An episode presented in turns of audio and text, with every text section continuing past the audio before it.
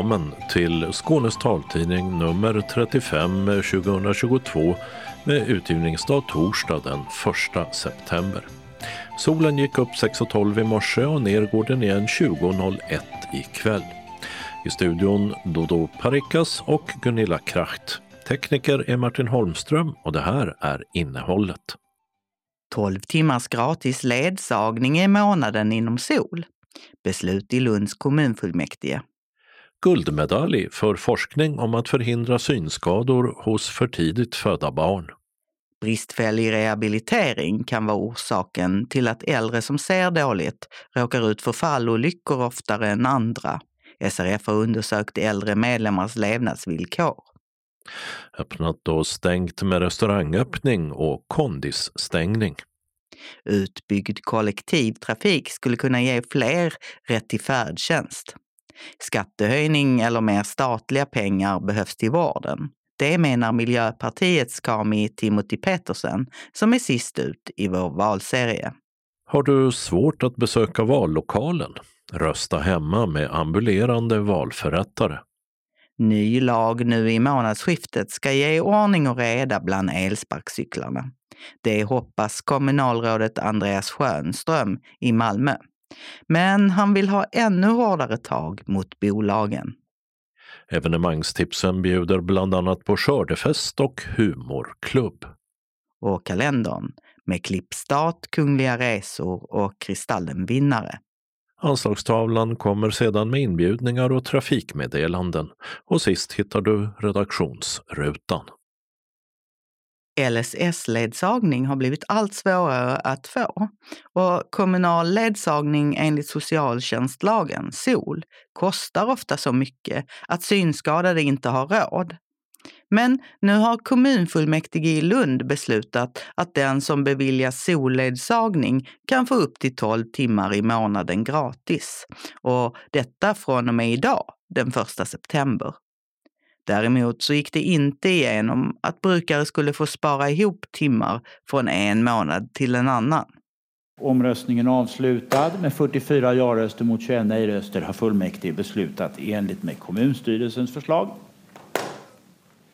Ja, men det känns jättebra. Det här är en väldigt konkret förbättring för Lundaborna. Och vi fick ju igenom majoriteten av det vi hade tänkt oss. 12 timmars eh, disponerad ledsagning men tyvärr så kunde vi inte komma överens hela vägen med alla och fick inte igenom ytterligare en viktig del.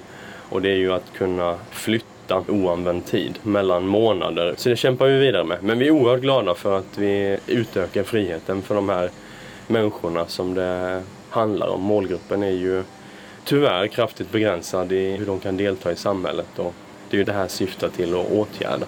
Det säger Per-Ola Nilsson, Socialdemokraterna, andre vice ordförande i vård och omsorgsnämnden och fullmäktige ledamot. Förslaget att erbjuda 12 timmars gratis ledsagning i månaden till Lundabor med funktionsnedsättning som anses vara i behov av detta. Det tog sin början med en skrivelse från Socialdemokraterna i början av året och blev så småningom till ett förslag som både vård och omsorgsnämnd och kommunstyrelse sa ja till och som sedan kommunfullmäktige alltså antog. De som vi vid klubbslaget i början av inslaget hörde hade röstat mot förslaget, de ville gå längre. De var inte emot den kostnadsfria ledsagningen. Så alla partier i fullmäktige var alltså för själva idén.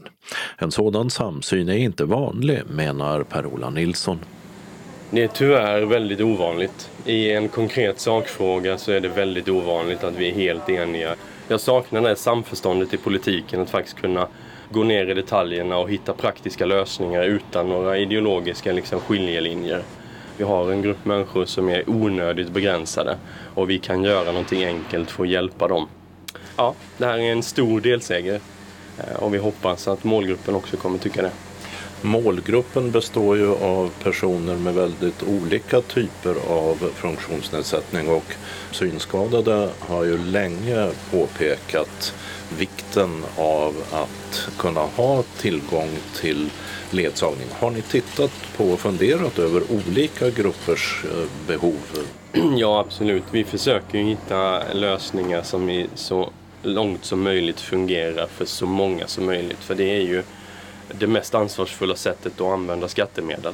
Det blir helt enkelt effektivast. Synskadade är ju en grupp som jag har jobbat med tidigare under mandatperioden också.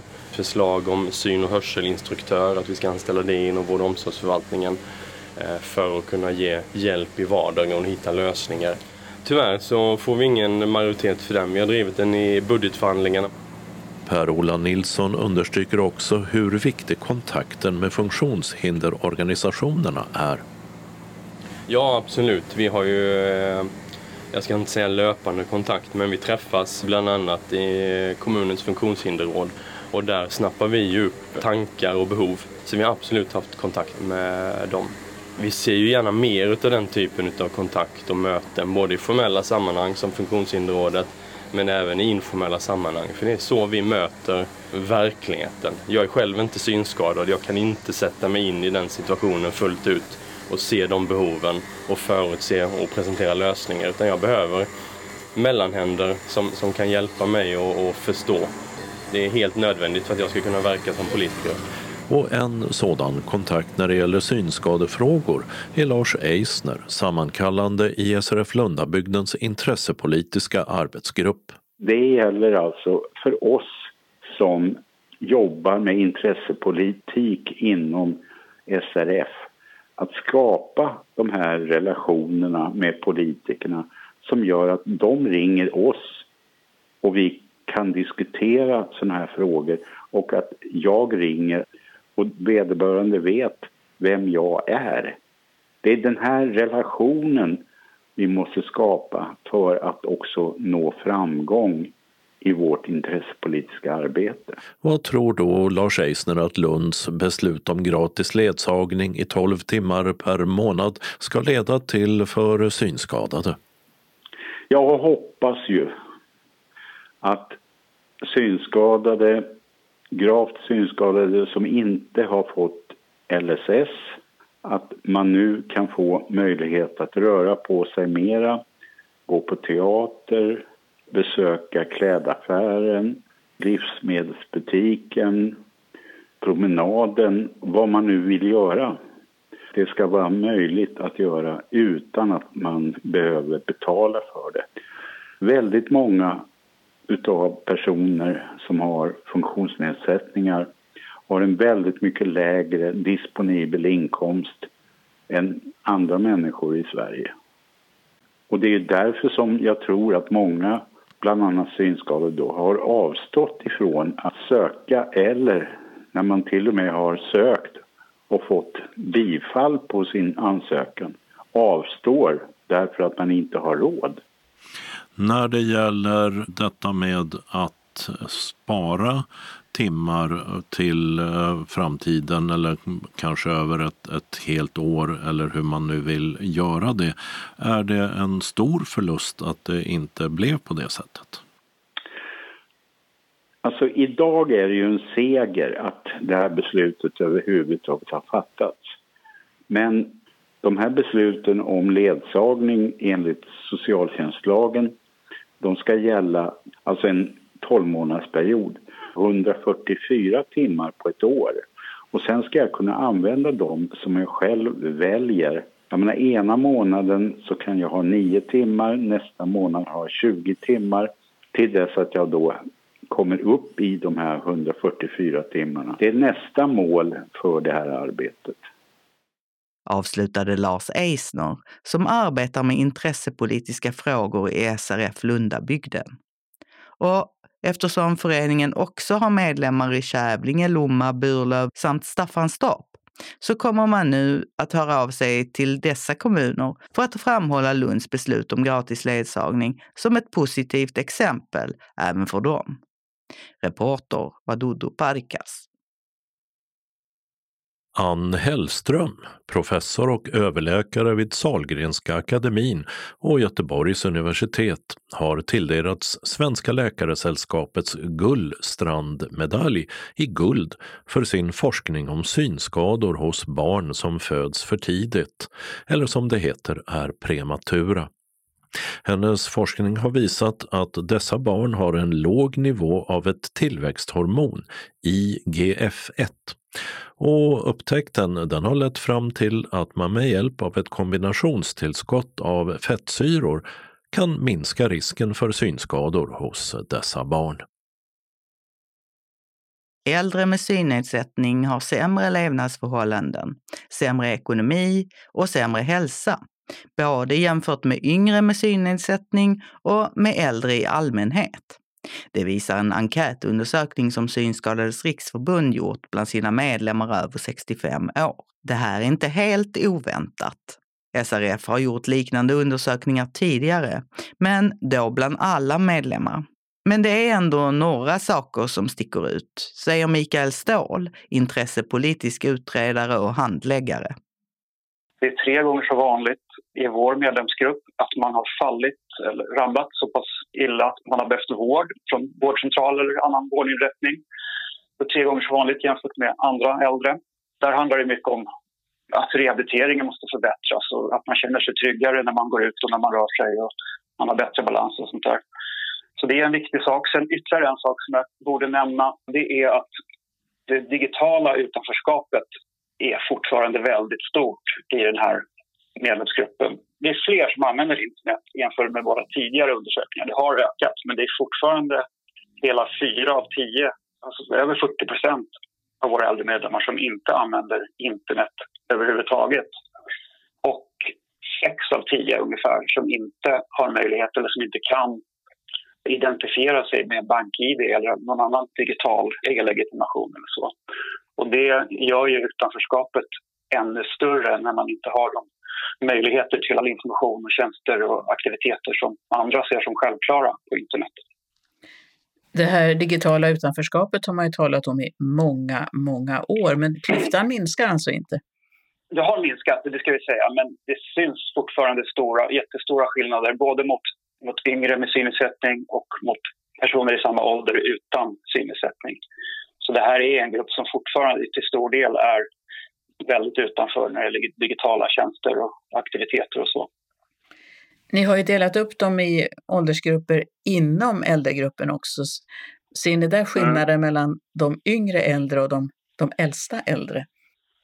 Ja, och de kan väl på sätt och vis ses som ganska naturliga också. De, de allra äldsta, 85 och över har sämre hälsa, upplever sin allmänna hälsa som sämre. De har fallit oftare och de känner sig mer ensamma och isolerade jämfört med de yngre. Och på sätt och vis kan ju det ses som ganska naturliga. Så. Sen, sen också när det gäller det digitala eller hur mycket man använder internet så är det betydligt vanligare bland de yngre 65, 70, 75 eh, jämfört med de som är 85 plus.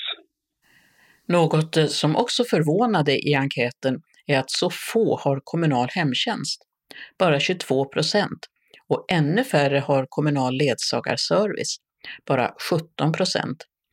De som har möjlighet tar hjälp på annat sätt, säger Mikael Ståhl. Hälften säger att de regelbundet tar hjälp av anhöriga, vänner eller anhöriga för att handla och ja, få livsmedel och sådana saker. Så då är det 50 procent ungefär, men de som har hemtjänst är bara 22 procent.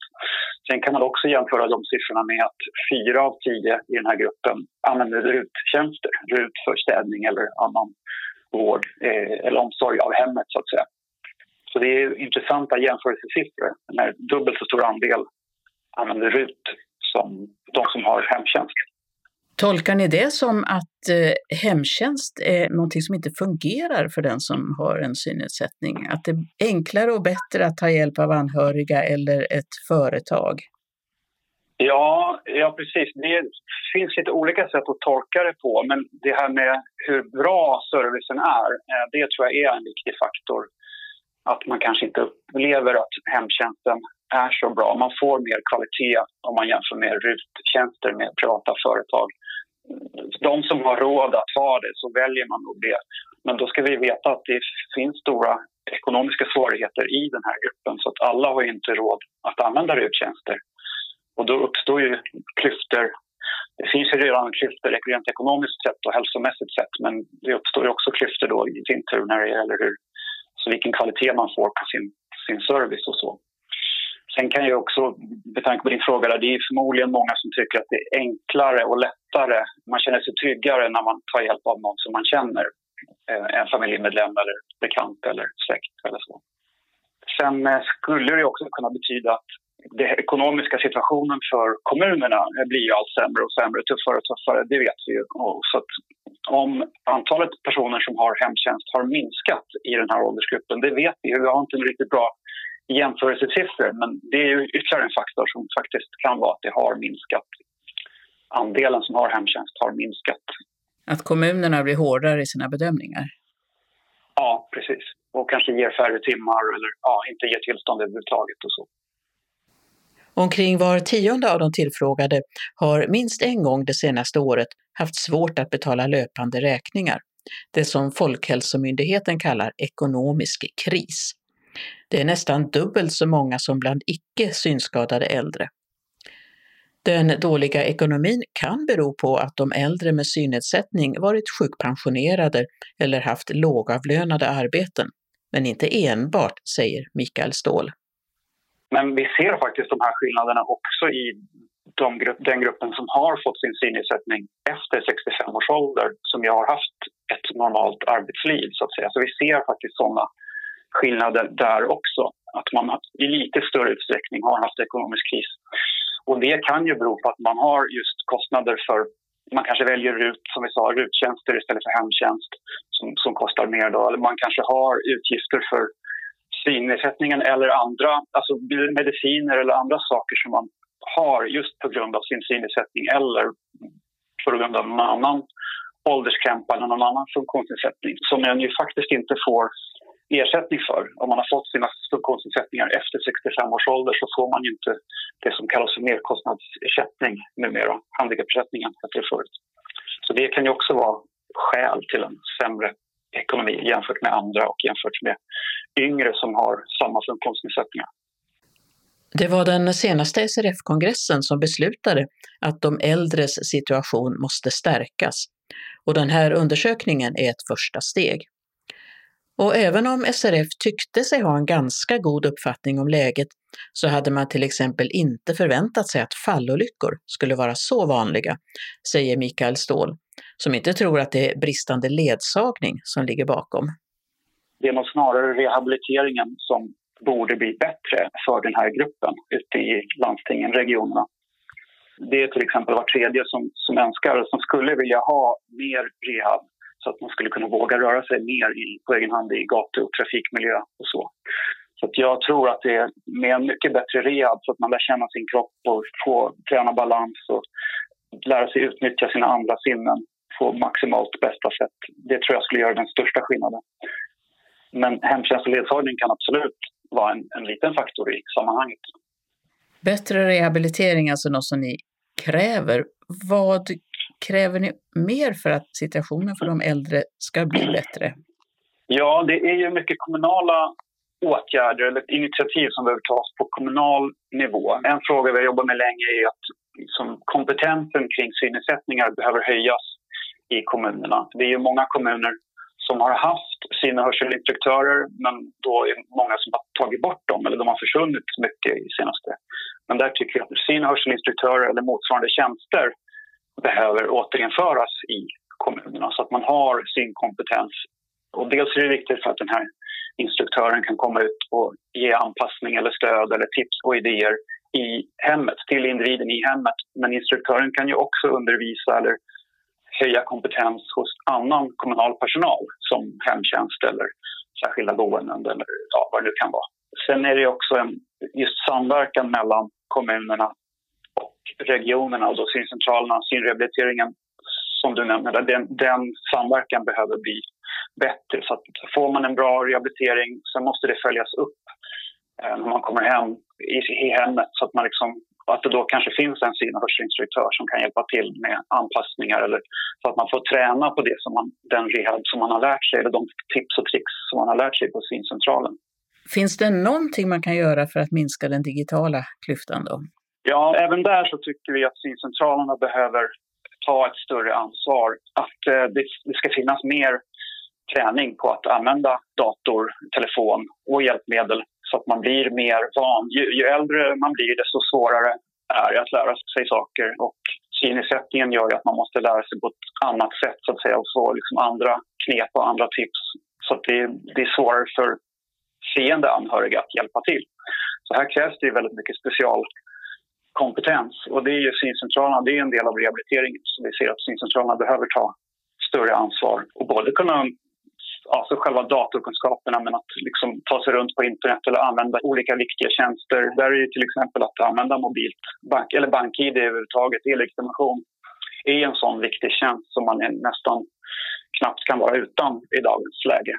Så det måste ju också äldre med synnedsättning kunna använda. Men hur fungerar det då för de 60 procent av de äldre som inte har en e-legitimation? Vad gör de?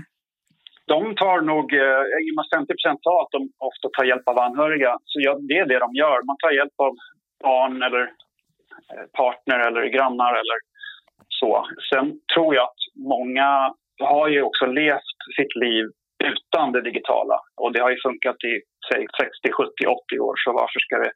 Då tycker man att man har inte intresse eller behov av det nu heller. Eh, så, och så löser man problemen på...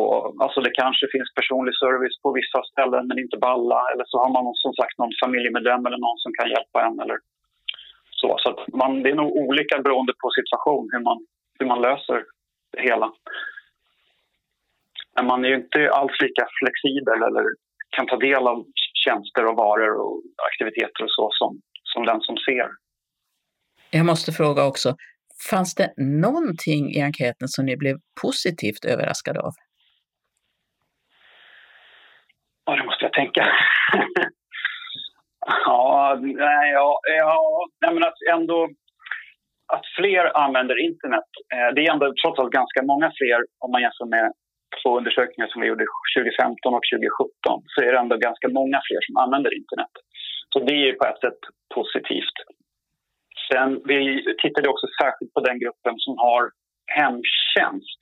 Där är det också ganska många som kring de olika frågorna så är de flesta, eller stora majoriteter, som ändå är nöjda med den service, eh, hemtjänstservice de får.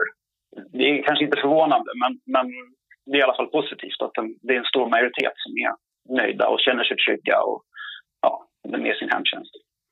Sa Mikael Ståhl, intressepolitisk utredare och handläggare på Synskadades riksförbund. Enkäten ska dels användas för att påverka politikerna, dels vara underlag till en intressepolitisk plattform där SRF slår fast sin ståndpunkt i äldrefrågorna. Reporter var Birgitta Fredén. Öppnat och stängt. I Osby har Gamlebygårdens förskola på Gärdesvägen 6 lagts ner och personal och barn har flyttat till andra förskolor i kommunen. I Osby har Oredssons Elektriska öppnat i nya lokaler på Sågatan 3. På butikens tidigare adress, Västra Järnvägsgatan 19, har restaurang Fabrik öppnat. I Lönsboda har Timotej Blommor och inredning öppnat på adressen där Maj-Britts blommor och presenter låg tidigare, nämligen Kapellgatan 1. I Kristianstad stänger Duvanders konditori sin filial på Åhléns med adress Östra Storgatan 63 efter två år. I Malmö-stadsdelen Dockan har dagligvaruföretaget Orkla öppnat Frankfull butik och restaurang i anslutning till sitt svenska huvudkontor.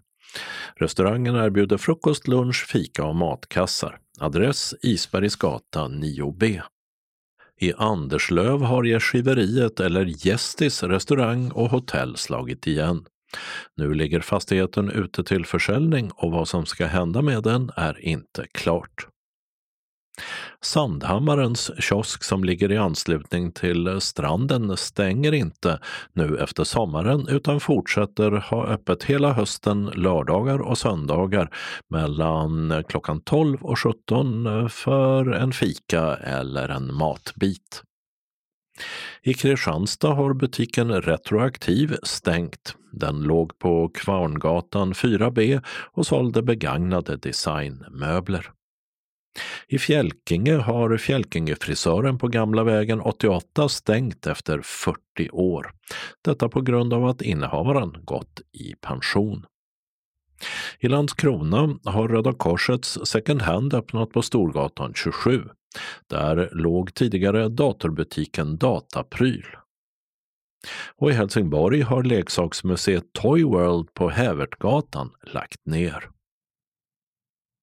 Turen har kommit till Miljöpartiet i vår serie intervjuer inför valet till regionfullmäktige. Vi ska träffa Kami Timothy Petersen, ledamot av Region Skånes kollektivtrafiknämnd. Det är den nämnden som har ansvaret för färdtjänsten. Men hur mycket tid och energi ägnas egentligen åt den frågan? Alldeles för lite får man säga och jag kan väl ta ett delvis ansvar för det. Det är inte en fråga som eh, normalt sett diskuteras på kollektivtrafiknämndens möten fastän att det är ett, eh, ett ansvar som finns på nämnden. Men däremot så har det ju blivit väldigt aktuellt under framförallt den andra halvan utav mandatperioden. Och då har ju frågan verkligen kommit upp och eh, visat sig vara väldigt, väldigt underprioriterad av politikerna. Jag har gjort vad jag kunnat för att råda bot på det, men eh, det behövs absolut en eh, större insikt bland Skånetrafikens politiker att det här är en del av vårt ansvar. Inte bara den allmänna kollektivtrafiken utan även den särskilda kollektivtrafiken. Ska den som har en grav synnedsättning kunna räkna med att få färdtjänst?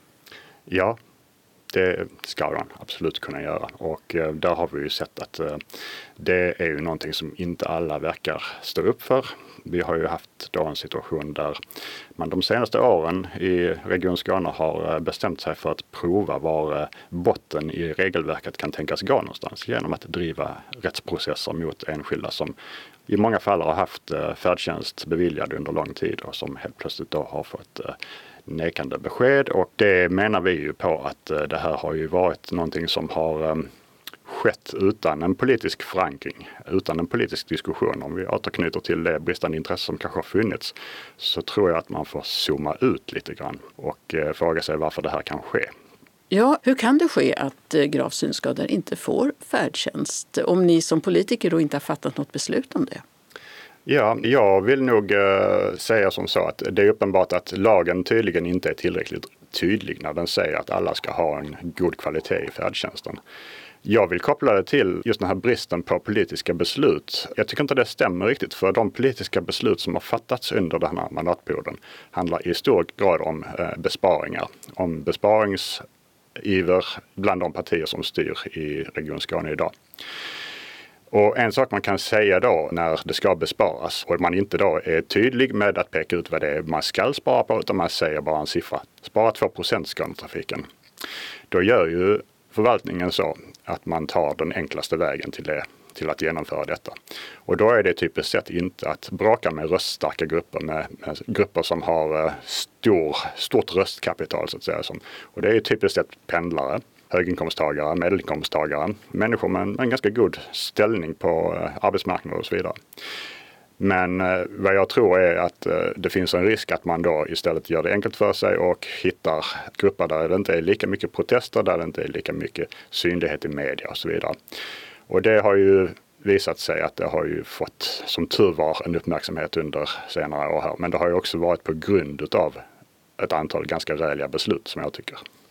Du sa att Skånetrafiken försöker testa var, var botten går. Var går botten tycker ni? Vi har inte tyckt att det har varit eh, några stora problem med tillämpningen fram tills för några år sedan och har inte förväntat oss den här diskussionen överhuvudtaget utan den har ju kommit som ett resultat av att man har lite fet kanske sagt besparingar men inte sagt vad man ska bespara på. Nu finns det ju en, en eh, översyn av eh, färdtjänstlagen som har blivit aktuell på grund av att politiker i vissa regioner, i borgerligt styrda regioner, faktiskt provar gränserna för, för vad som är anständigt. Och i svensk eh, rättstradition så är det tyvärr så att står det inte uttryckligen att någon har en rätt till just detta så har man inte en rätt till just detta. Och det bygger på att det ska finnas en slags hederlighet mellan lagstiftaren och de som tillämpar lagstiftningen. Att man ska någonstans förstå vad, vad är andan i det beslutet som man har fattat i riksdagen. Att man vill ha en god kvalitet i färdtjänsten. Och det har ju hållit i det längsta. Den, den, den anständigheten tycker jag har funnits under lång tid.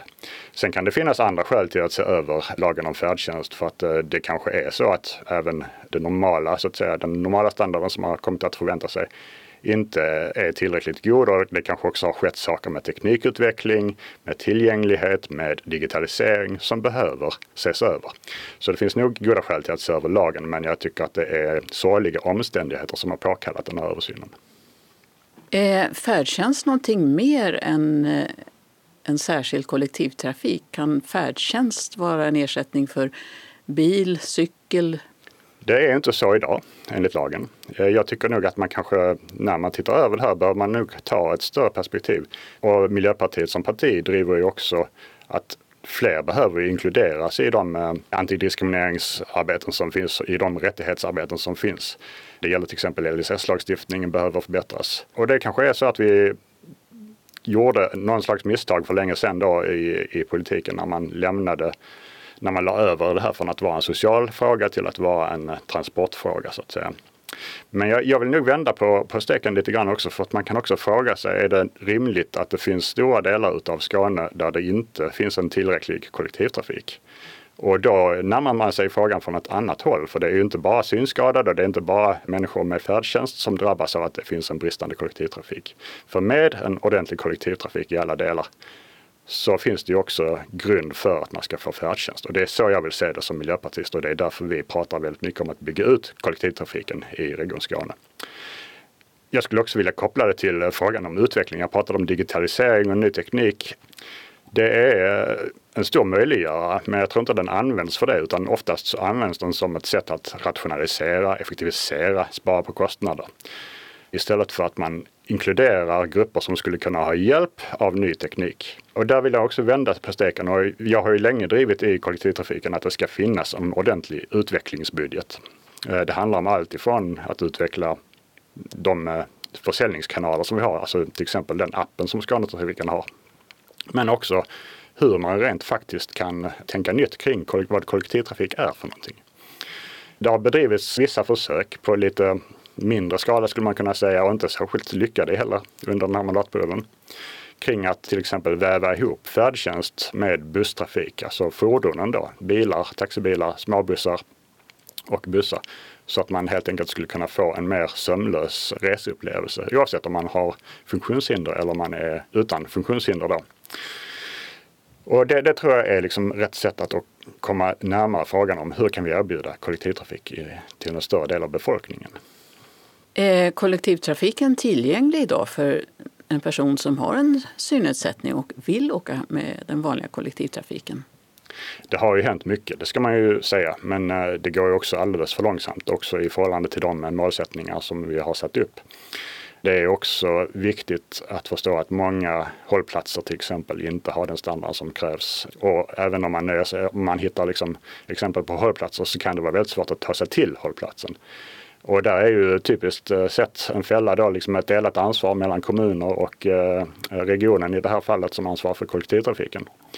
Och där behöver man ju också ha ett, eh, ett större, en större samverkan kring de här frågorna. För att eh, vi har ju noterat, inte minst i de rättsprocesserna som jag nämnde tidigare, att man har ett argument ifrån eh, förvaltningens sida så att säga.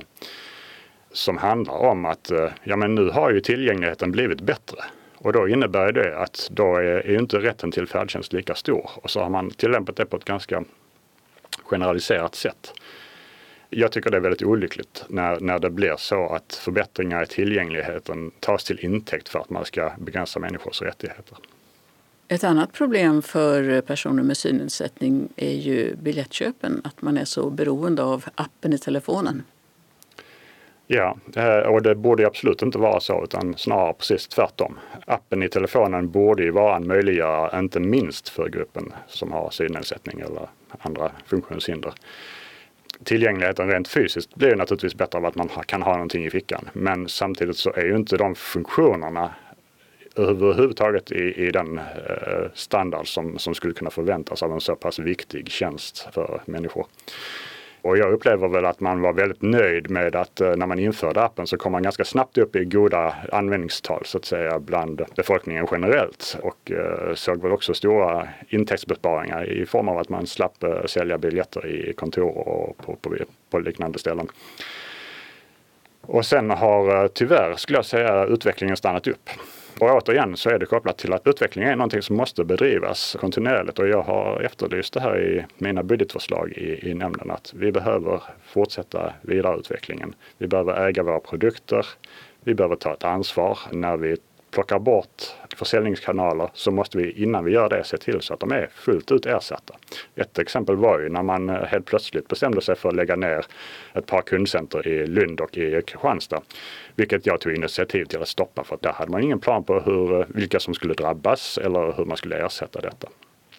Något som har diskuterats den här mandatperioden är ju vem som har ansvaret för att personer med synnedsättning ska kunna lära sig sina smarta telefoner och det har ju lösts då genom att SRF har fått regionens uppdrag att sköta den utbildningen. Är det en bra lösning? Till del så är det en bra lösning. Alltså jag är väldigt glad för eh, när eh, civilsamhälle och ideell sektor kommer på idéer om hur de kan bidra och hjälpa till och eh, använda sina nätverk, sin kompetens.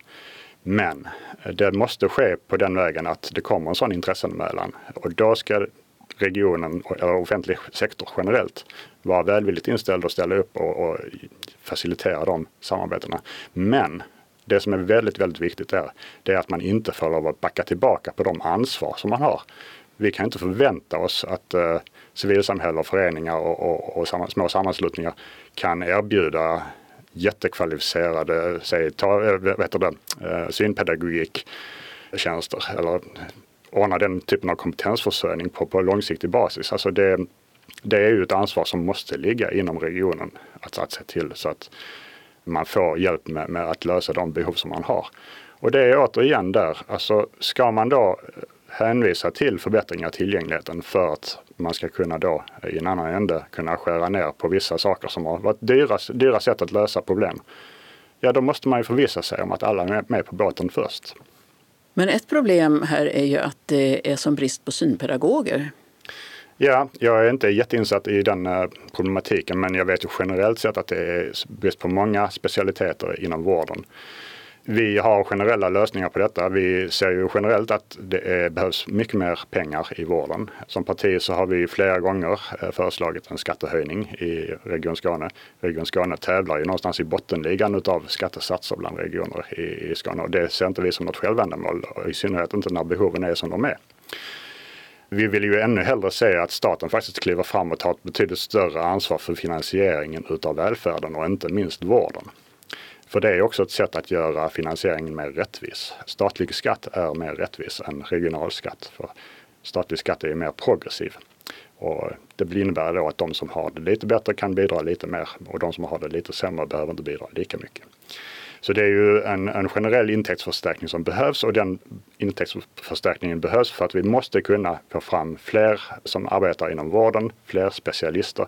De som arbetar inom vården måste stanna kvar, de måste ges möjlighet att studera vidare och kompetensutveckla sig på specialistutbildningar till exempel. Och där har vi ju då till, exempel, eh, skulle jag gissa, talpedagoger som ett, eller förlåt, synpedagoger som ett, som ett exempel på detta. Och ögonläkare kanske? Ögonläkare kan absolut vara en sån. Där har vi en speciell situation eftersom det finns ett vårdval eh, skulle jag säga, som attraherar många att söka sig utifrån offentlig sektor och in i ganska smala produktionslinjer som kanske Alltså jag tror att man skulle behöva titta på eh, vad det är som händer i de här vårdvalen. Det bör man följa upp.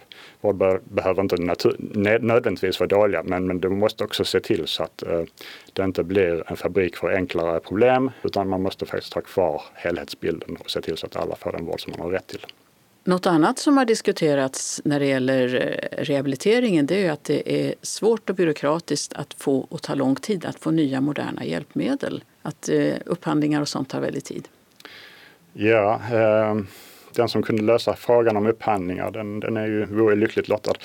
Det handlar nu ganska mycket också om att vi måste bli bättre på att ställa krav. Att vi måste vara mer informerade om var, var utvecklingen ligger någonstans. Att vi ställer krav på det som är det senaste och det bästa.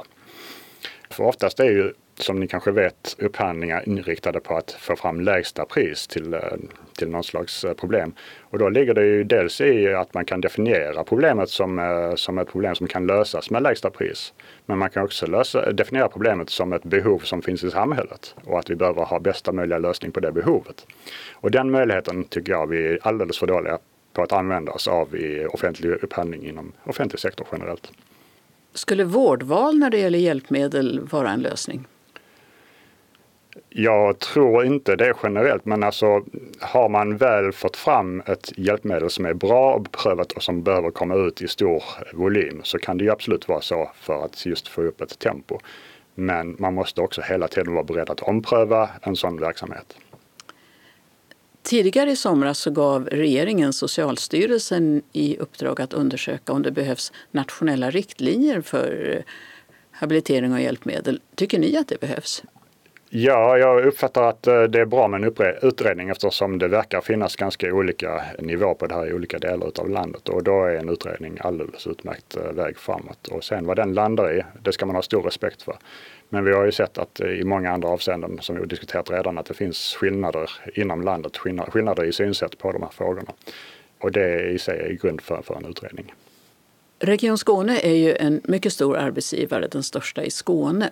Vad vill ni göra för att fler med funktionsnedsättningar ska kunna få jobb inom regionen? Ja, alltså vi har ju bland annat när vi sitter, har suttit i regering så har vi ju skärpt diskrimineringslagstiftningen eh, inom vissa delar av arbetslivet, eh, framförallt då gällande mindre företag. Men det som är viktigt är ju också att offentlig sektor, eh, som är kanske i andra änden av det spektrat en stor arbetsgivare, också tar ett stort socialt ansvar. Det får ju absolut inte lov att förekomma någon diskriminering inom offentlig sektor. Det måste ju vara helt uppenbart. Man måste också vara noggrann med att använda sig utav, det finns ju en kompetens som är viktig någonstans. Om man har en egen erfarenhet så, så, så är det ju märkligt om inte det kan räknas som en egen kompetens. Och för att få en förståelse inom offentlig sektor hur olika förslag och olika beslut drabbar enskilda så måste det också finnas en bred erfarenhetsbas inom offentlig sektor. Men är det något som ni som politiker kan påverka?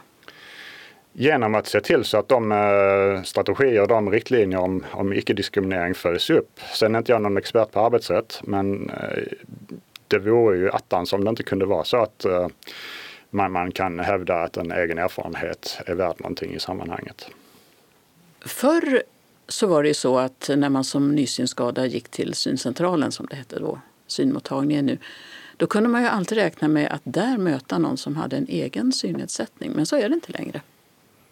Ja, det, det kan jag nog inte um, uttala mig om specifikt, men, men det, det låter inte bra. Det är absolut ett, skulle jag säga, en signal på att det är någonting som vi behöver titta på. Det får inte lov att förekomma diskriminering. Jag tror också man behöver titta på just frågan om hur man bejakar olika kompetenser som kan finnas. Jag kan tyvärr inte frågan i detalj, men, men ehm, det, det, är ju absolut ett tecken på att vi behöver titta på, på den situationen sa Kami Timothy Petersen från Miljöpartiet. Reporter var Birgitta Fredén. Förtidsröstningen inför ehm, valet är i full gång och för den som har svårigheter att ta sig till en förtidsröstningslokal eller till vallokalen på valdagen finns eh, sedan föregående val möjlighet att få hjälp av ambulerande röstmottagare. Alla kommuner är skyldiga att ordna med sådana. De arbetar i par och kommer hem till den röstberättigade med valsedlar, valkuvert och valbås. Den röstande behöver ha sitt röstkort och sin legitimation till hands. Saknar man röstkort så kan röstmottagarna ta med ett sådant också. Röstmottagarna har tystnadsplikt och de kan hjälpa till på samma sätt som i en vallokal, till exempel lägga valsedeln i valkuvertet.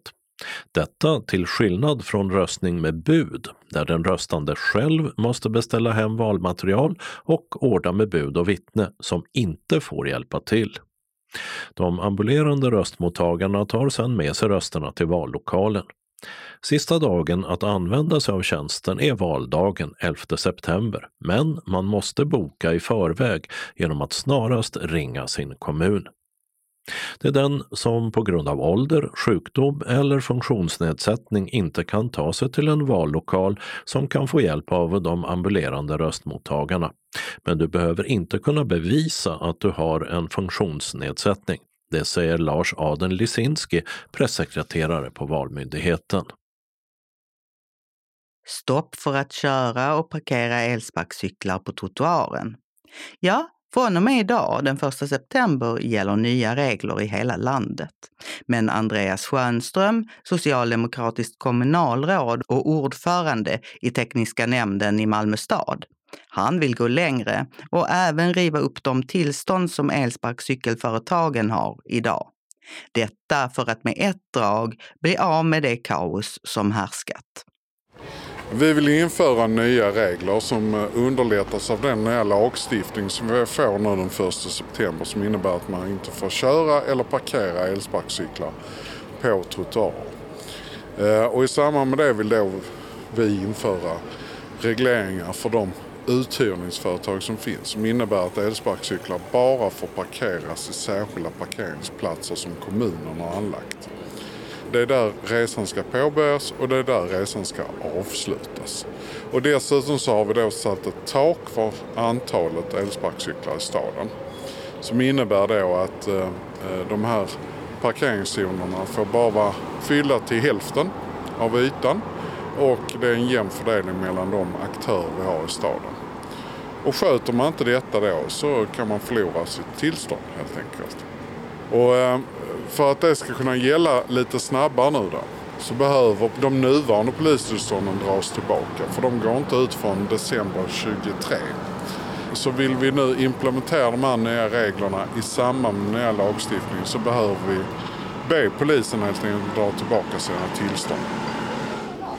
Men ni har ju försökt på olika sätt att komma åt det här problemet eh, ett bra tag nu och det har inte riktigt gått. Kommer det att gå nu med de nya reglerna tror du?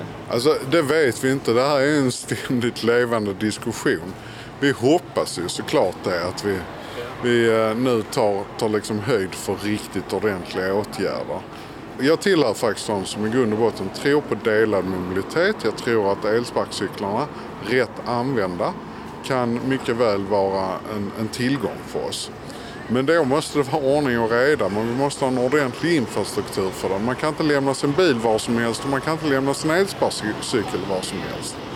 Så jag har god förhoppning att vi ska få ordning på detta. Får vi dessutom kanske ihop olika tjänster som kollektivtrafiken eh, tillsammans med den här typen av delad mobilitet så tror jag att fler seriösa pendlare och, och resenärer kommer att använda sig av dem också och då sköts det bättre. Är min förhoppning. Men vi är alltid beredda att ompröva om det inte skulle hjälpa.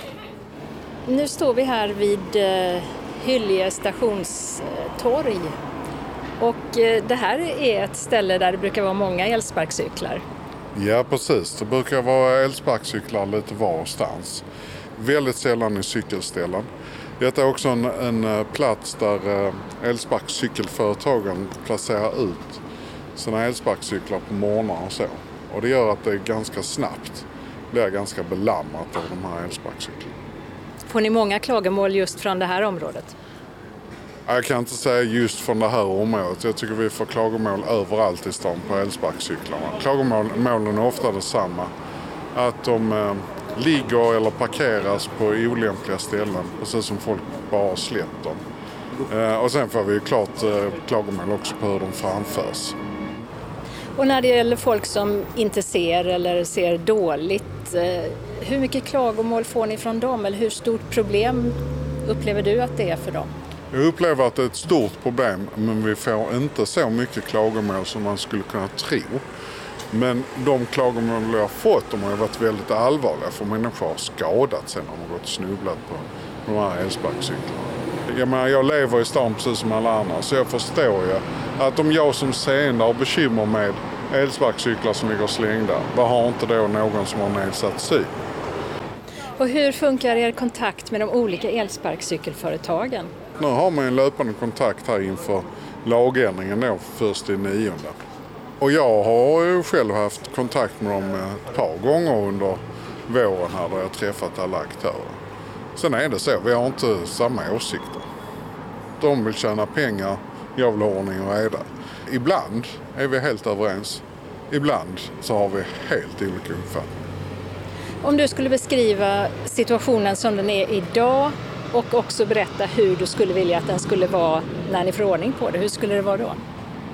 Idag upplever jag att situationen är så att vi får väldigt många fler elsparkcyklar under de varma månaderna. Då sticker det iväg från kanske var 1700 under vintern så sticker det iväg på sommaren till nästan 7000 elsparkcyklar. Vi har väldigt många oseriösa förare som är vårdslösa, dessutom ofta minderåriga. Och eh, de parkeras på ett sätt som är direkt farligt för många. Om jag skulle få välja då och vad jag hoppas blir resultatet av det vi gör nu så är det att vi har eh, sådana här mobilitetshubbar som vi kallar det för ute på gatan. Och det är där elsparkcyklar hämtas och lämnas precis som våra hyrcyklar som vi har i Malmö. Och att man eh, från företagen är mån om att se till att inga minderåriga använder dem utan att det är vuxna människor som får framföra dem på cykelbanor eller på gatan, inte på trottoar. Och genom att elsparkcyklarna parkeras i så kallade hubbar som placeras ut runt om i stan istället för som nu när elsparkcyklarna parkeras lite varstans och ofta utgör hinder för andra trafikanter i stan så hoppas Andreas Schönström att man till slut ska få bättre ordning på elsparkcyklarna. Vi kommer ha 100 sådana här mobilitetshubbar till att börja med. Och det blir runt eh, 3760 eller något sånt elsparkcyklar som man då har plats till.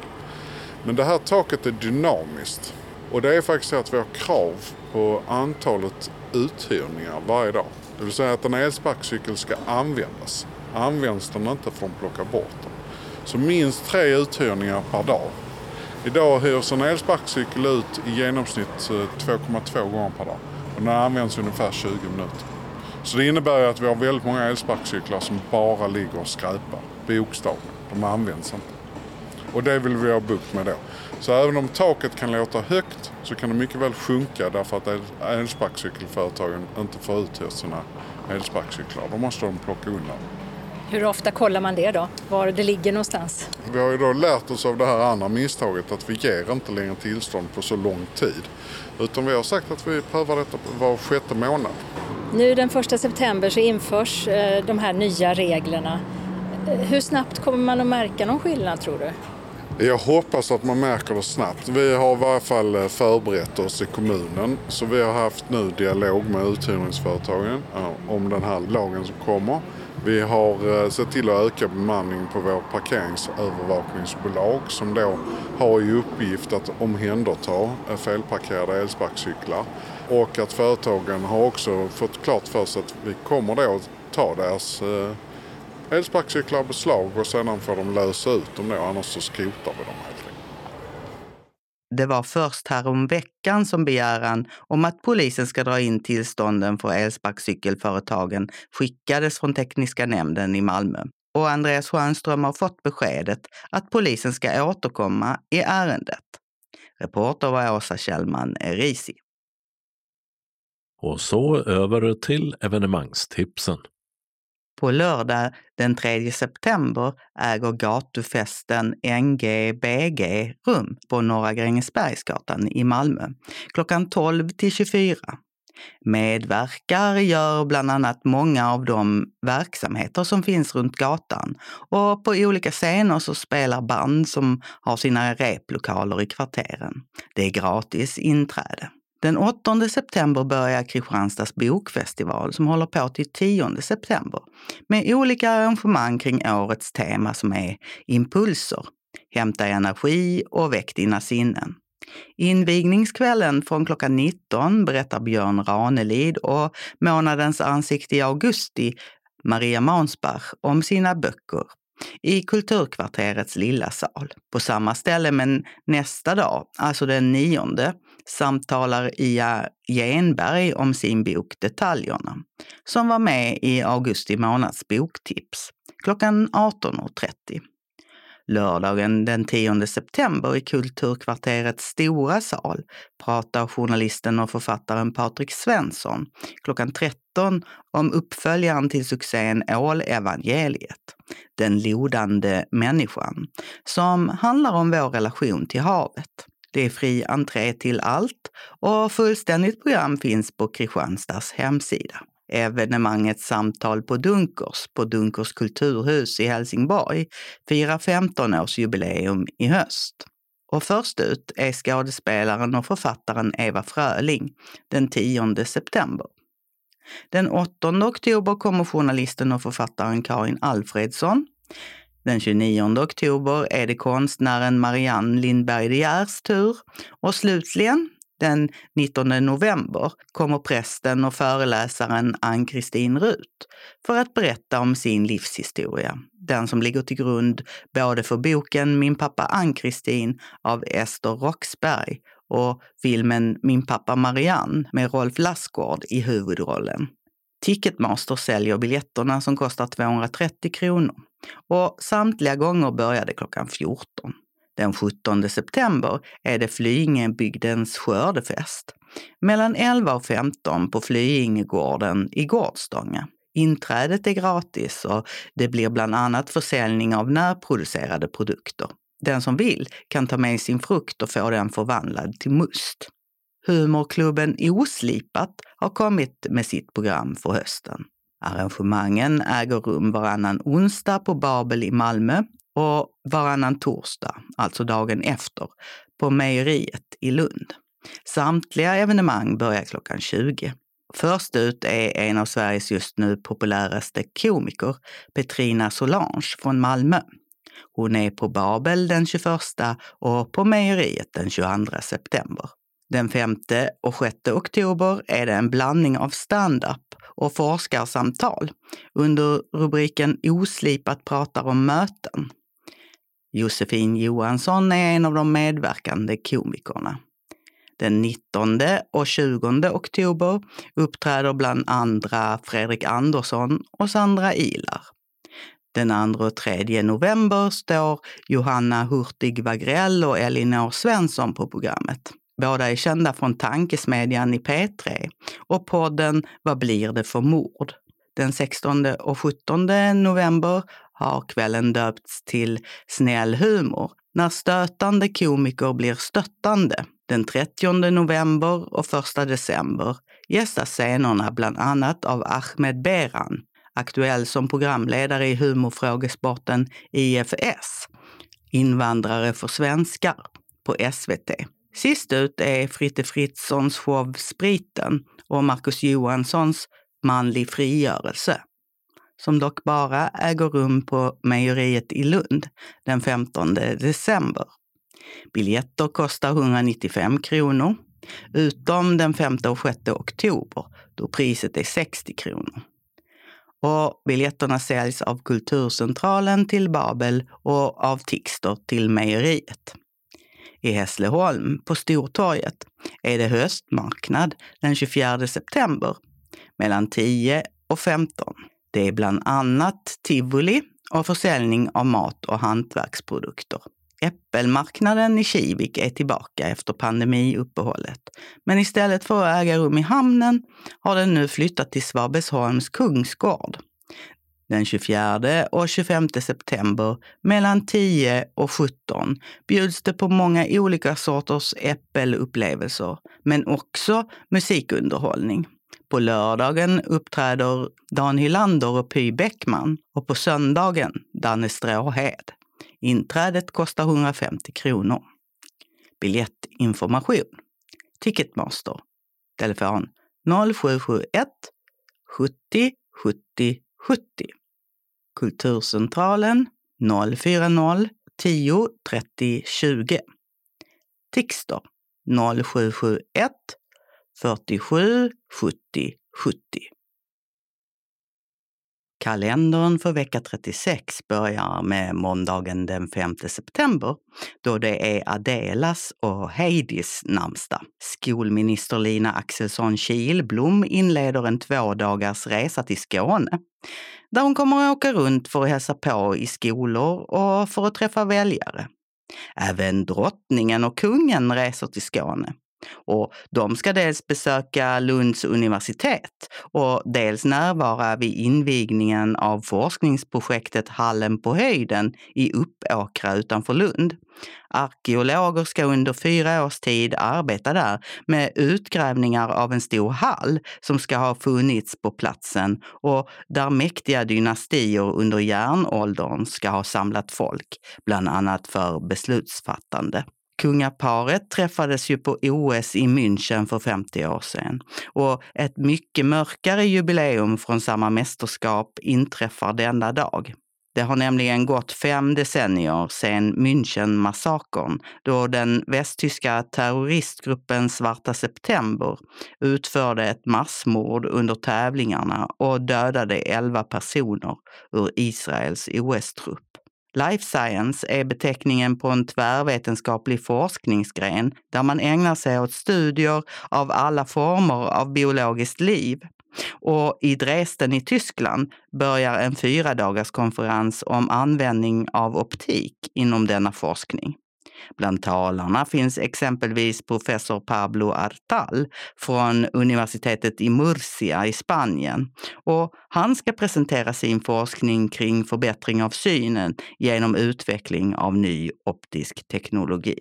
Tisdagen den 6 september firar Lilian och Lilly namnsdag i det afrikanska landet Swaziland som gränsar till Mosambik och Sydafrika firas det nationaldag. Det är 35 år sedan Patrik Sjöberg tog guld i höjdhopp vid VM i Rom då han hoppade 2,42 meter, vilket fortfarande är Europarekord. Onsdagen den 7 september har Kevin och Roy namnsdag. Torsdagen den 8 september är det Alma och Hilda som har namnsdag och i Andorra och Nordmakedonien är det nationaldag. Journalisten Hasse Aro fyller 65 år. Mest känd är han för Efterlyst på TV3, där han först var programledare från 1991 till 2014 och där han nu är tillbaka igen efter några år på TV4. Han har utsetts till bästa manliga programledare på Kristallengalan 2005 och 2007. Och numera leder han också podden Fallen jag aldrig glömmer, som han fick pris för på Guldörat-galan 2019. På Mosebacke-terrassen i Stockholm är det konsert med artisten Lisa Nilsson för att högtidlighålla att det är 30 år sedan hennes stora hit Himlen runt hörnet, skriven av Mauro Scocco, kom ut. Den utsågs till årets låt på Grammisgalan samma år. Fredagen den 9 september firar Anita och Anette namnsdag. Det är nationaldag i Nordkorea och Tadzjikistan. Journalisten och författaren Lisa Marklund fyller 60 år. Hon började sin karriär på Norrbottens-Kuriren i Luleå och flyttade sedan till Stockholm där hon jobbade först på Aftonbladet och sedan på Expressen. Hennes första deckare, Sprängaren, om kvällstidningsjournalisten Annika Bengtsson, kom ut 1998 och blev en bestseller. Efter det har hon etablerat sig som en av landets mest framgångsrika författare.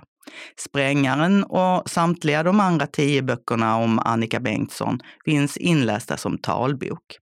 Förra året kom thrillern Polcirkeln ut, som är första delen i en trilogi om staden Stenträsk i Norrbotten och för en vecka sedan kom uppföljaren Kallmyren. Båda har fått mycket positiva recensioner. Böckerna har givits ut på Piratförlaget som Lisa Marklund startade 1999 tillsammans med bland andra Jan Guillou. Polcirkeln finns som både talbok och punktskriftsbok och Kallmyren är under produktion som talbok med text.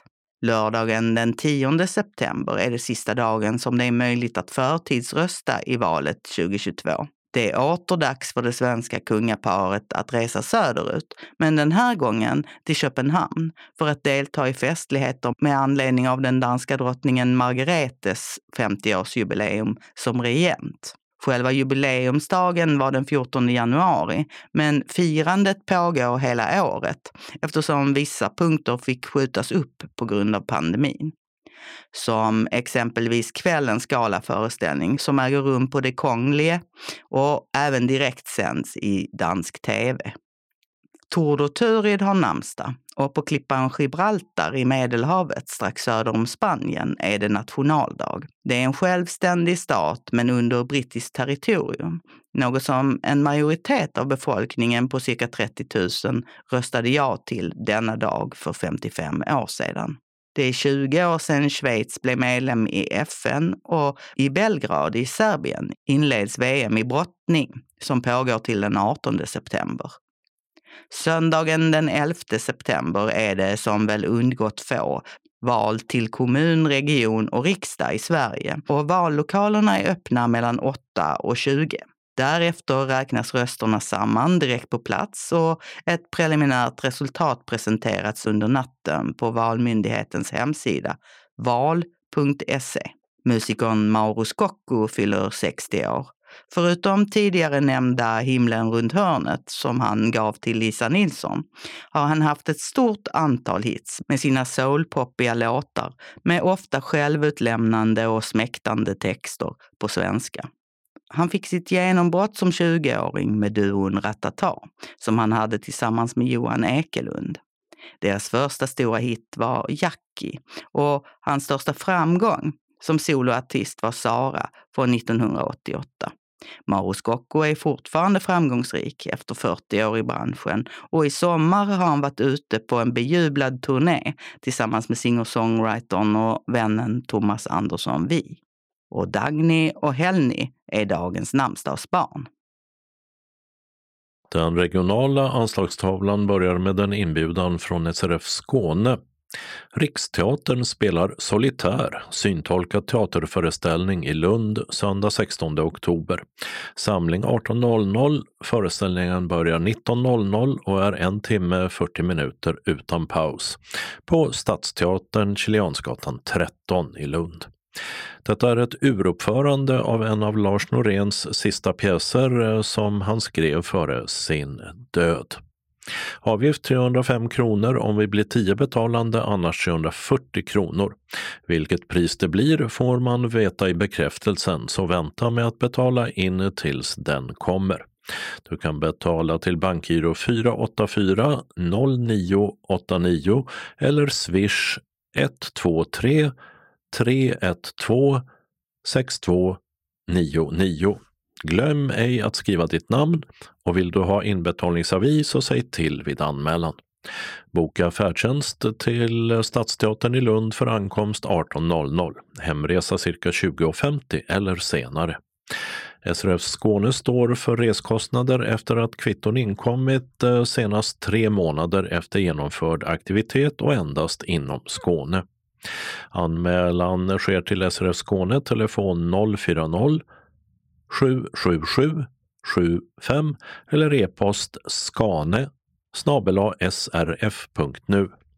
Genom att anmäla er godkänner ni att ert namn står på deltagarförteckningen som skickas ut efter sista anmälningsdag. Berätta om du har egen ledsagare eller behöver ledsagare från SRF som du då får dela med någon annan. Du får bekräftelse via mejl eller brev. Biljetter delas ut på plats. Har du frågor, ring Maj-Britt Ryman 0703 24 66 09. Du blir aldrig lämnad ensam innan din bil har kommit och hämtat dig. Vi har ett begränsat antal biljetter. Sista anmälningsdag är den 9 september. SRF Skåne Arbetsgruppen Kultur hälsar alla välkomna.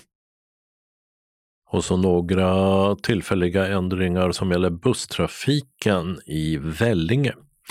Där är hållplats Vellinge Ängar läge B i riktning mot Malmö stängd på grund av flera anläggningsarbeten.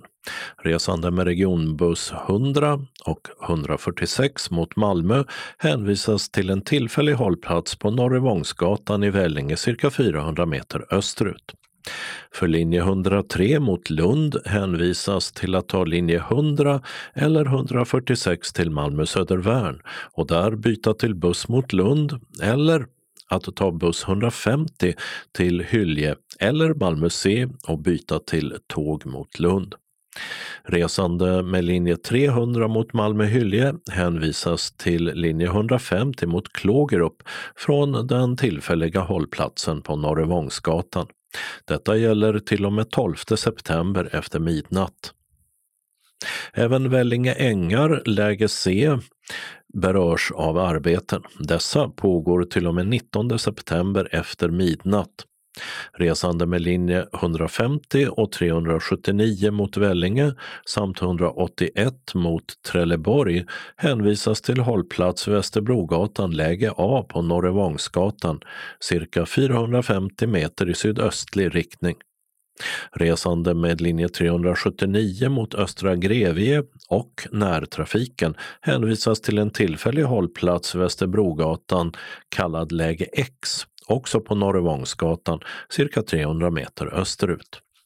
Dit hänvisas även resande från Vellinge läge D med linje 150 mot Klågerup och 181 mot Vellinge.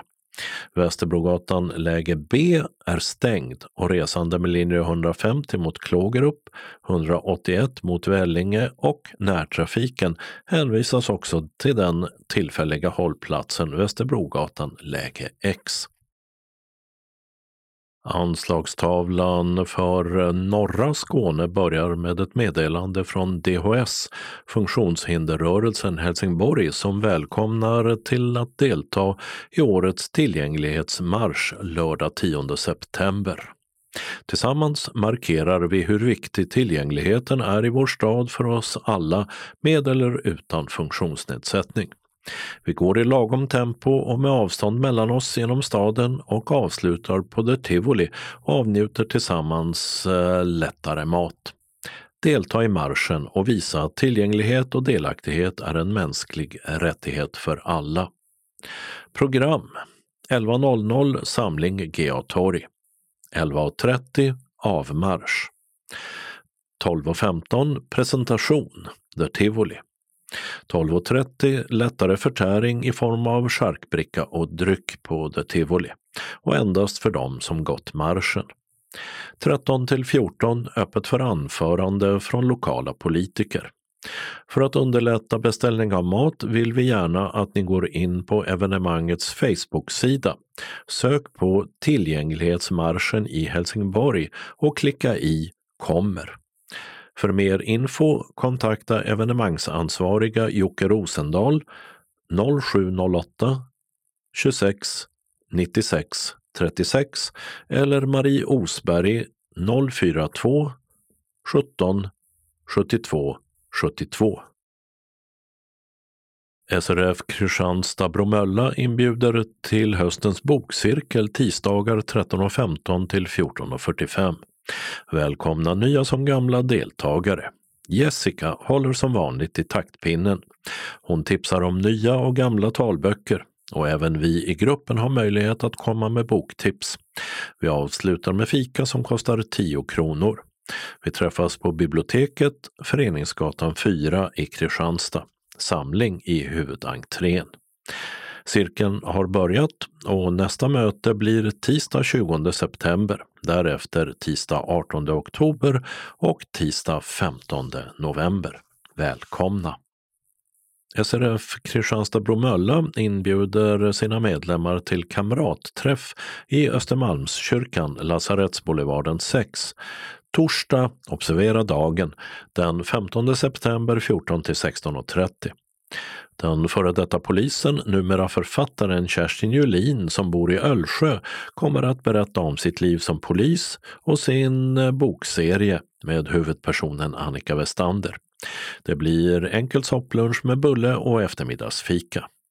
Anmäl deltagande senast onsdag 7 september till Anita Svensson, telefon 044 533 09.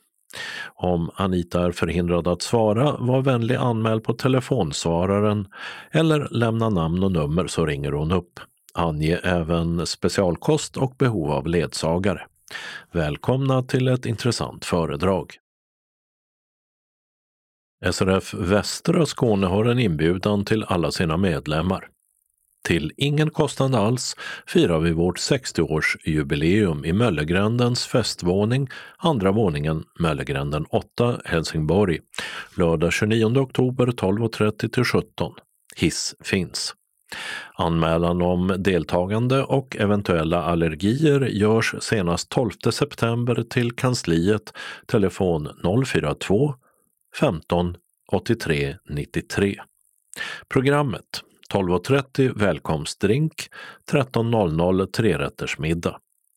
Föreningens historik, eventuellt jubileumstal, lotteri. Kaffe med kaka och avec. Dans till känd orkester. Meny förrätt löjrom med smulad gräddfil, krämig och krispig jordärtskocka samt syltad rödlök. Varmrätt alternativ 1 oxrygg med potatisgratäng, vitlöksstekta haricots bakade kvisttomater och rödvinssky. Eller alternativ 2 rödingfilé med sandefjordssås, stenbitsrom, gräslök, potatispuré och gulbetor. Dessert vit chokladpannacotta med passionsfruktsorbet och lakritsmaränger. Allt inklusive drycker. Varmt välkomna hälsar styrelsen. SRF Västra Skåne inbjuder också till månadsmöte tisdag 13 september 14 till 16.15 i SRFs lokal Vaktgatan 3, Helsingborg. Fikaavgift 30 kronor. Det blir sedvanliga mötesförhandlingar. Vi får besök av Torbjörn Sjölén, SRF Skånes valberedning och Therese från familjens jurist som ska prata om livstidsfullmakt. Sista anmälningsdag är måndag 12 september till kansliet senast klockan 12. Om du står på den fasta listan behöver du bara meddela om du inte kommer eller inte ska ha fika. Välkommen! Så några tillfälliga ändringar i busstrafiken. På grund av vägarbeten är delar av Långebrogatan i Kristianstad avstängd till och med 7 september klockan 16. För linjerna 2, 84, 549 och 54 och deras hållplats Kristianstad Långebro läge A hänvisas till Vilans skola läge B, cirka 200 meter söderut på Allégatan. För Långebro läge B hänvisas till Vilans skola läge A, cirka 280 meter söderut. Men för linje 4 samt 553 är Vilans skola avstängd. Istället hänvisas till Hedentorp, Lunnavägen, läge A, cirka 580 meter söderut på Åsumsvägen. Och för Vilans skola läge B till Hedentorp, Lunnavägen, läge B cirka 750 meter söderut på Åsumsvägen. Det är ordinarie hållplats för linje 4 och tillfällig för linje 553. Anslagstavlan för sydvästra Skåne innehåller meddelanden från SRF Malmö Svedala och tillfälliga ändringar i busstrafiken. SRF Malmö Svedala hälsar välkommen till dagverksamhet vecka 36. Vi serverar kaffe och smörgås eller kaka till en kostnad av 10 kronor. Vi vill att alla anmäler sig till kansliet 040 25 05 40 om man tänker komma på någon av dagaktiviteterna. Senast klockan 10 samma dag som aktiviteten. Känner man sig sjuk stannar man hemma. Måndag 5 september 13-15 blir det tidningsläsning och eller frågesport. Och tisdag 6 september 13 15.15 blir det bingo. SRF Malmö Svedala påminner också om eh, det årliga besöket på Hallongården. När? Fredag 9 september 13.00 på Hallongården, Bodarpsvägen 144 i Trelleborg. Du bokar din färdtjänstresa själv till Hallongården 12.00 och hemresan till 16.00. Någon av oss stannar kvar tills alla fått sina färdtjänstbilar. Ni betalar färdtjänstresorna men lunchen bjuder SRF Malmö Svedala sina medlemmar på. Vi kommer äta gårdens goda sparrissoppa och till kaffet serveras naturligtvis hallonpaj med kökets vaniljsås. Vi får presentation av hallongården till kaffet. Efter detta ges tillfälle att handla. Välkommen att anmäla dig till kansliet senast fredag 2 september klockan 12. Glöm inte anmäla särskilt kost eller allergier och om du behöver ledsagare. Har du frågor ring Maj-Britt Ryman 0703 24 66 09. Vi ses på Hallongården, hälsar styrelsen. Och SRF Malmö Svedala hälsar också välkommen till tjejträff på föreningslokalen torsdag 22 september. Tina från Seniorshoppen är tillbaka för att visa och berätta om höstens och vinterns mode. Du kan handla kläder kontant med kort eller inbetalningskort och prova i lugn och ro. Vi kommer ha visning i två omgångar. Första gruppen klockan 16 och andra gruppen klockan 18 då vi alla äter tillsammans innan den andra gruppen tittar på kläderna. Vi serverar kall tallrik med lax, dillpotatis och hovmästarsås. Kostnad 100 kronor. Drycker finns till självkostnadspris. Om man har allergier eller särskild kost meddelar man det vid anmälan. Du betalar kontant på plats eller med swish till 123 077 80 50. Vill du ha en trevlig kväll så anmäl dig på telefon eller e-post info srfmalmo.se senast torsdag 15 september. Hjärtligt välkomna hälsar styrelsen. Och så några tillfälliga ändringar i busstrafiken. På Föreningsgatan och Sallerupsvägen i Malmö pågår VA-arbeten 1 september 9.00 till 9 september 15.00. För stadsbuss 6 mot Toftanäs flyttas hållplats Värnhem läge D till parkeringsfickan cirka 120 meter bakåt motsatt bussens färdriktning på Föreningsgatan. På Kristinebergsvägen i Oxie pågår vägarbete. Därför är hållplats Kristineberg Fänkålsvägen flyttad 100 meter framåt i stadsbuss 32s färdriktning mot Käglinge. 16 september 15.00 ska arbetet vara klart. Och arbetena i korsningen Videdalsvägen och Hohögsgatan i Malmö som vi berättat om tidigare och som skulle varit klara sista september, de är redan avslutade. Hållplats Ulricedal i bägge riktningar är åter öppen. På Östergatan och Östra Tullgatan i Malmö pågår ombyggnadsarbeten som berör ringlinje 3. För hållplats Malmö Karoli mot Värnhem hänvisas till Malmö C, läge C, på centralplan mellan stationen och kanalen. Och åt andra hållet till Malmö C, läge D.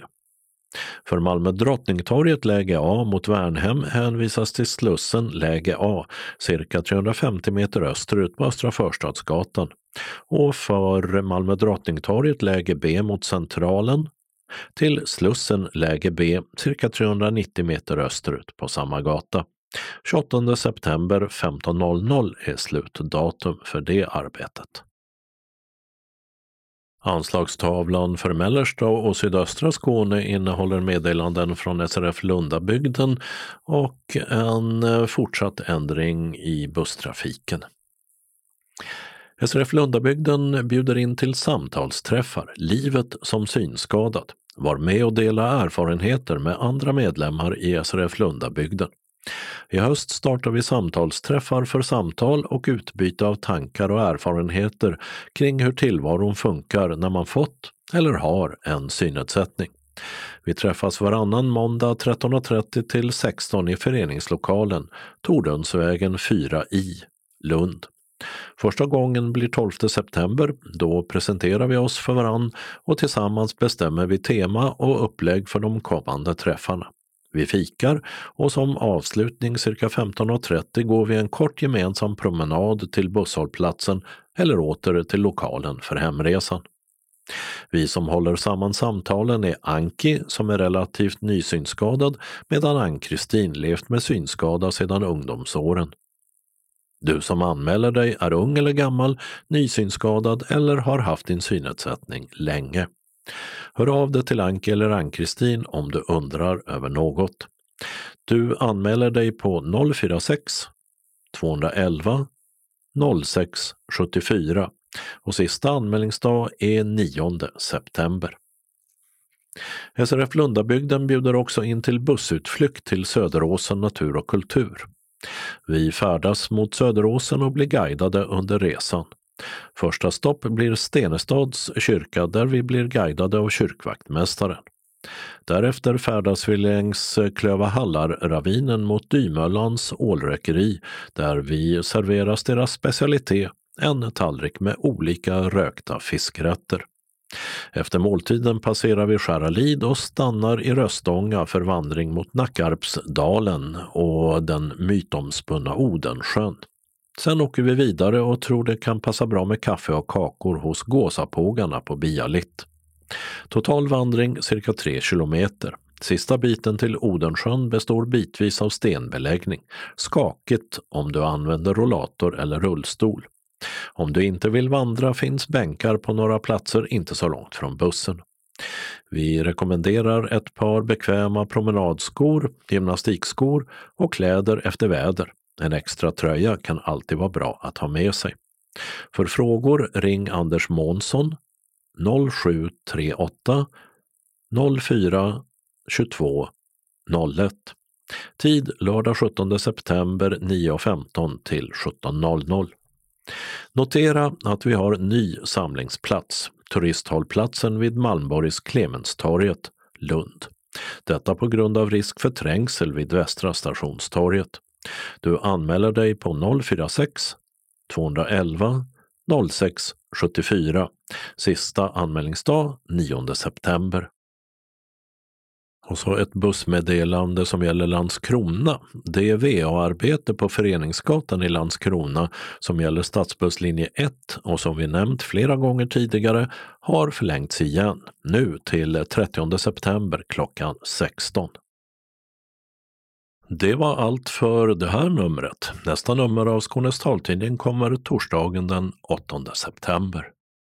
Skånes taltidning ges ut av Region Skånes psykiatri och habiliteringsförvaltning. Ansvarig utgivare är Martin Holmström. Postadress Jörgen Ankersgatan 12, 211 45 Malmö. Telefon 040-673 0970. E-post Skanes taltidning snabela skane.se och hemsida skanestaltidning.se. Observera att CD-skivorna inte ska skickas tillbaka till oss. Såväl skivor som kuvert kan läggas i brännbara sopor när ni inte längre vill ha dem. Vi hörs igen. Hej då!